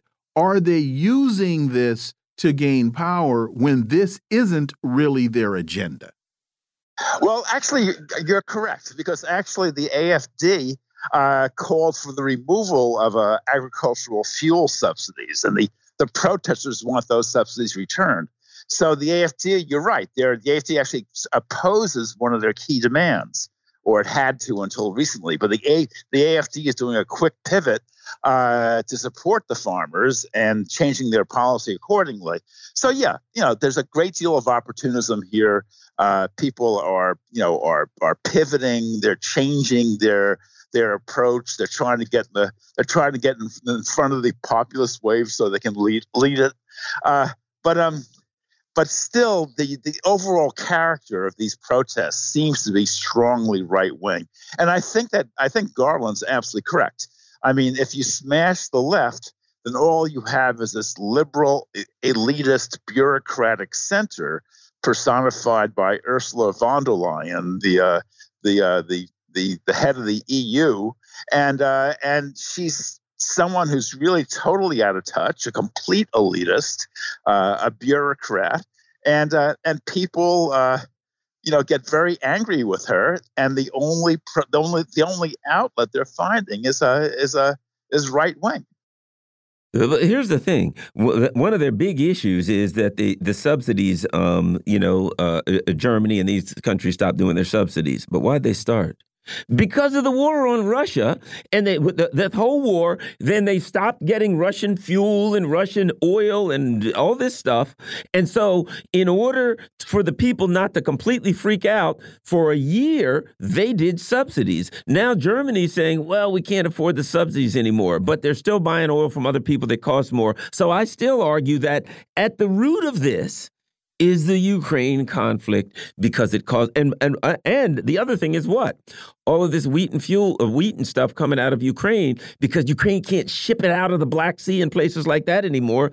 It's getting pushed back into Europe again. I I do believe the Ukraine conflict is at the heart of this. Wilmer. But before the Ukraine conflict, there was already a move, an austerity move in Germany, in France, in Greece, in Italy there was already a move by the elites to to change the the lifestyle. Because the yellow vest movement thing was in exactly. Yeah. So I think the Ukraine situation and the United States blowing up Nord Stream exacerbated in the minds of these farmers a problem that was already brewing and and on the horizon.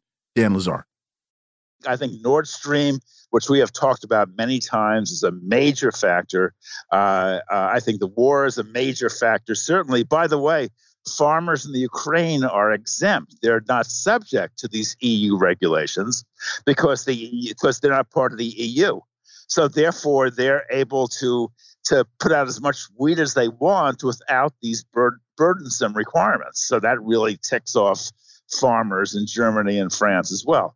Um, you're right. I mean, I mean, all these things are happening over the head of the people, and the, the people are hopping mad.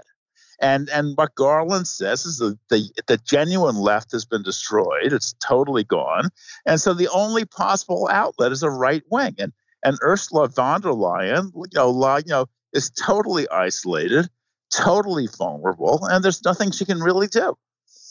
Uh, Sputnik, Zaluzhny has escaped Zelensky's control and calls the shots in Ukraine, according to a retired colonel. And here's the thing from what I've been seeing in, in Ukraine, that may be true, and then an hour later, it's not. You, it, it, the, the regime in Kiev is becoming unstable. I'm re following this thing, and it's unraveling. Who's in charge? We don't know. Who's You're, on first? Yeah, who's on first?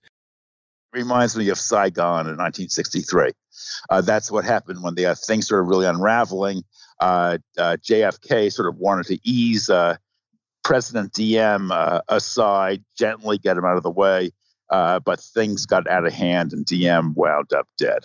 Um, so uh, that was when the, the war in, in Vietnam turned into a real disaster. Uh, I think that um, that Zelensky is also in big trouble.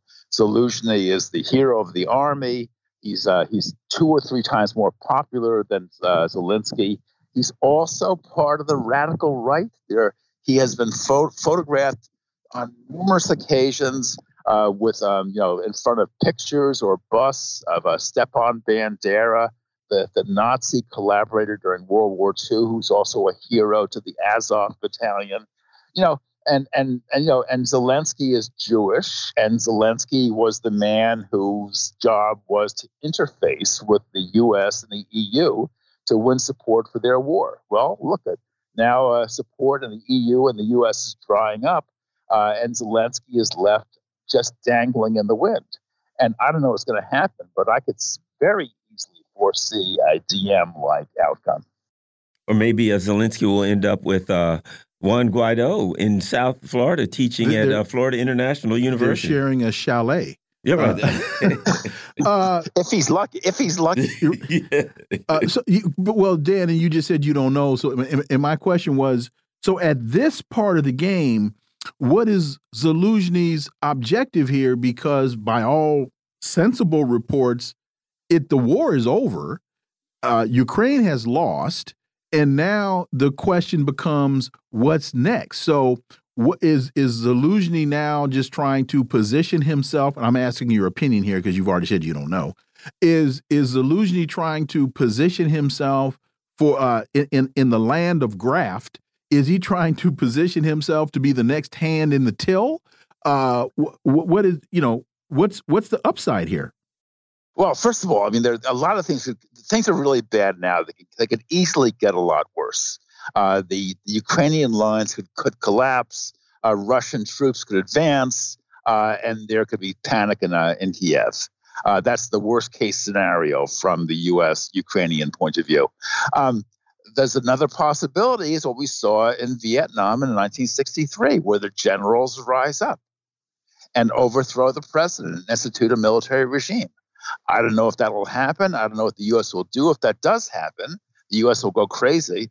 By the way, Victoria Nuland was in uh, was in Kiev uh, very recently. She's she's probably trying to smooth things over, but uh, but I don't know what the U.S. would do. But it certainly is one possible outcome. Things are falling apart really fast. Daniel Lazare, as always, thank you so much for your time. Greatly, greatly appreciate that analysis. We look forward to having you back. Thank you. Folks, you're listening to the Critical Hour on Radio Sputnik. I'm Wilmer Leon. I'm joined here by my co host, Garland Nixon. There's more on the other side. Stay tuned.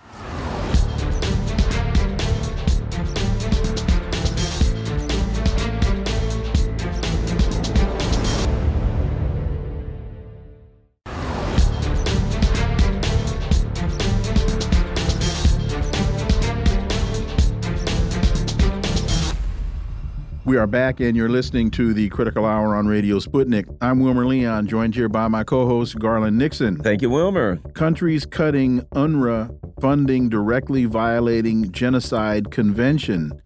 U.S. and U.K. and other states are directly violating Articles 2C and 3E of Genocide Convention, warns international human rights lawyer Francis Boyle. For insight into this, let's turn to our next guest. He's a human rights lawyer and professor of international law at the University of Illinois College of Law, Professor Francis Boyle. Welcome to the show. Thank you for having me on, Wes, to uh, everyone there at Sputnik.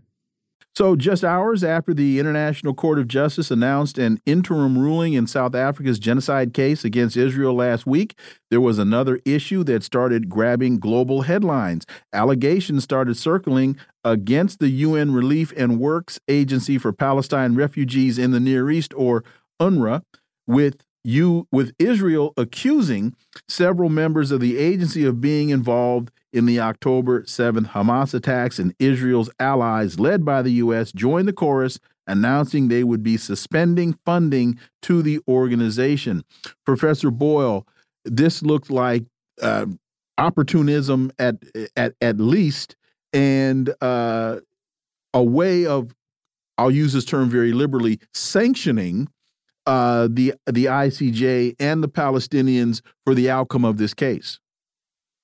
Well, First, I wanted to say I was the first lawyer to win anything from the International Court of Justice on the basis of the Genocide Convention.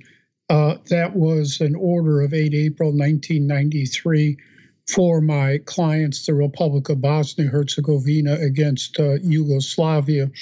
Uh, massive, overwhelming to cease and desist from committing all acts of genocide against the Bosnians. And then I won a second order uh, to that effect, saying it had to be immediately and effectively implemented. Uh, again, massive, uh, overwhelming in favor of Bosnia against uh, Yugoslavia. And then I won a third order from the president of the court. And by the way, no one had ever won uh, two orders in one case from the World Court since when it was founded in 1921. And then I won a third order from the president of the court to the same effect under uh, Article 74, Paragraph 4 of the rules of the court. So I won three orders there on genocide uh, in under six months.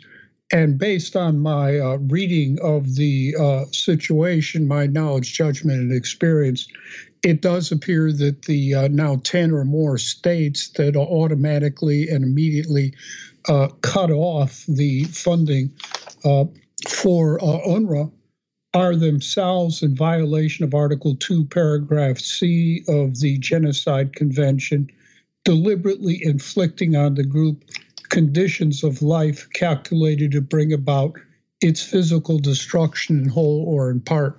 Uh, they this is basically a, a, death sentence for the people of uh, Gaza. It will be starving them to death and uh, thirsting them to death. In addition, these uh, 10 or more states are also in violation of Article 3, Paragraph E of the Genocide Convention, criminalizing complicity in genocide. The day before, the World Court had just uh, uh, issued an order uh, to Israel, 15 to 2, massively overwhelmingly, basically to cease and desist from committing all acts of genocide against the Palestinians along the lines of uh, two of the three orders I had won uh, sort of uh, modified. Uh, and so the next day, uh, they become uh, complicit with Israel's genocide against the Palestinians. Right. So that's the situation we are in today.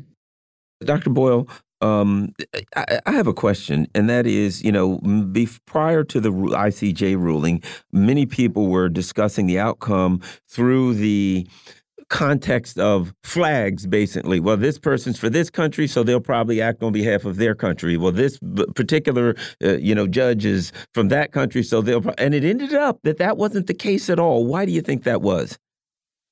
I don't know, but uh, you are correct. I I thought the uh, numbers would be uh, smaller in the Nicaragua case. Uh, it was uh, 12 to 3. Um, So I thought a few of the judges would uh, uh, would side with Israel, but they didn't. I think because if you read the uh, application by South Africa, it was outstanding. Mm -hmm. Uh, there, there's no question about it. I did all that work by myself and won those orders. Uh, and, so that is why I predicted uh, South Africa was going to win because uh, they had an entire team of uh, international lawyers there put that together, and their work product was far superior to mine. second, uh, if you read the uh, order and the South African application, uh, they basically uh, got their facts from United Nations sources. They did this uh, on purpose uh, because the International Court of Justice generally will give judicial notice to any facts adduced by any organ or agency of the uh, United Nations organization. And so, uh, if you looked at the um, the uh, factual allegations by South Africa, drawn from UN uh, uh, sources, uh, the court really had little alternative, I think, but to rule in favor of South Africa. All Israel had were were a pack of lies. In fact, I I was going to submit as an answer to the question. To your point, the case was so well written that and you not only had sources from the UN, you had statements against interest by Israeli government officials stating everything except saying we're going to commit genocide here. And there are many instances where judges, as judges, when they're faced with overwhelming fact, they because they don't want to wind up looking stupid, and being called stupid. We even see it with the Supreme Court from time to time when conservatives on the court will hold in a manner that is contrary to the interest of the president to put him on the court because the information is overwhelming and you just can't avoid it. Right. They had uh, close to eight pages of uh, what we lawyers call admissions against interest. The uh, highest level officials, other officials of the Israeli government manifesting uh, genocidal uh, intent. I did the exact same thing against uh, I took statements made by the highest level officials there, including their president, Slobodan Milosevic, and filed it with the court to prove genocidal intent. But again, they had a whole team there that that assembled everything, hundreds of footnotes. Uh, it, you know, it was a very uh, professional uh, job, uh, and, and, they pulled it all together. Yes. Let me ask one more quick question on that. You you just mentioned intent, and I think that that is key to this outcome. And please correct me. I know you will if I'm wrong. In a in a, a genocide case, don't you have to show intent? Yes, uh, you have to show uh, a uh, intent to destroy in whole or in part a national, ethical, racial, or religious group as such. That's and so, using using those statements by the officials, they very clearly articulated their intent to vaporize Hamas slash Palestinians. It was Palestinians. It was not just uh, Hamas. They they had statements in there, missions against interest, uh, to obliterate the Palestinians. If it was just Hamas, that would be a different story. No, that's why I said it the way I did Hamas slash Palestinians. Well, it had to be Palestinians. Mm -hmm. um, and uh, what I found uh, particularly interesting is that they um, uh, cited a statement by the president of Israel in support of uh, uh, a genocidal intent. I think that shows you what's going on over there. That that the president of Israel uh, is implicated uh, in calling for genocide against the uh, Palestinian people, the head of the head of state. Right, it's pretty appalling. But again, I did the exact same thing to um, Slobodan Milosevic. He then was um, uh, president of uh, Yugoslavia to uh, to win my my three orders. Right. And uh, from the, you know, now we're hearing they're, that they're going to go after some, you know, Biden, Blinken, et cetera. Your thoughts on uh, the vulnerability of of, of, of uh, U.S. leaders to to charges, to further charges? Well, of course, uh, they uh, right from the get-go, the uh, Bidenites have been aiding and abetting Israeli uh, genocide against the Palestinians uh, in violation of Article Three, Paragraph uh, C of the Genocide Convention. And now that they automatically pulled the funding for UNRWA with no investigation, no due process, etc. Uh, all the Bidenites are guilty of Article 2, Paragraph C, deliberately inflicting on the group conditions of life calculated to bring about its physical destruction, whole or in part. And also uh, Article 1, uh, the obligation, quote, to prevent, unquote, uh, genocide. And clearly, uh, the Bidenites are accelerating genocide. As you know, uh, this is uh, also the subject uh, of dispute or a lawsuit there uh, in the uh, Bay Area against Biden, Blinken, and Austin. that they are aiding and abetting genocide against the Palestinians in violation of the Genocide Convention and the U.S. government's own Genocide Implementation Act. And by the way, Senator Biden at the time sponsored the Genocide Implementation Act there uh, in in in the Senate. So he knows exactly uh, what he's doing. He he obviously has criminal intent here. Professor Francis Boyle, sir, thank you so much for your time. Thank you for your work, and thank you for your time and your analysis. And we look forward to having you back. Sure. Thanks for having me on. Wow, Garland, that just shows once again that uh, you know the things that can that you do can come back to haunt you. Uh, because Joe Biden is now, as they used to say to me at Christian Brothers High School in Sacramento, you've become a victim of your own event. what what was that when you drank Christian Brothers uh, brandy? but uh, Joe Biden is now being haunted by some of the very things that uh, that he proposed and, and supported. And and and add this, and Blinken running around always talking about that we were the champions of human rights, you know. And now all of those things are going to come back to to uh, to haunt the the Biden administration.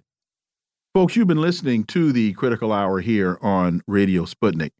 Thank you for allowing our voices into your space. And on behalf of myself and my co host, Garland Nixon, we hope you were informed and enlightened. And we look forward to talking with you all right here tomorrow on Radio Sputnik. Be safe. Peace and blessings. We're out.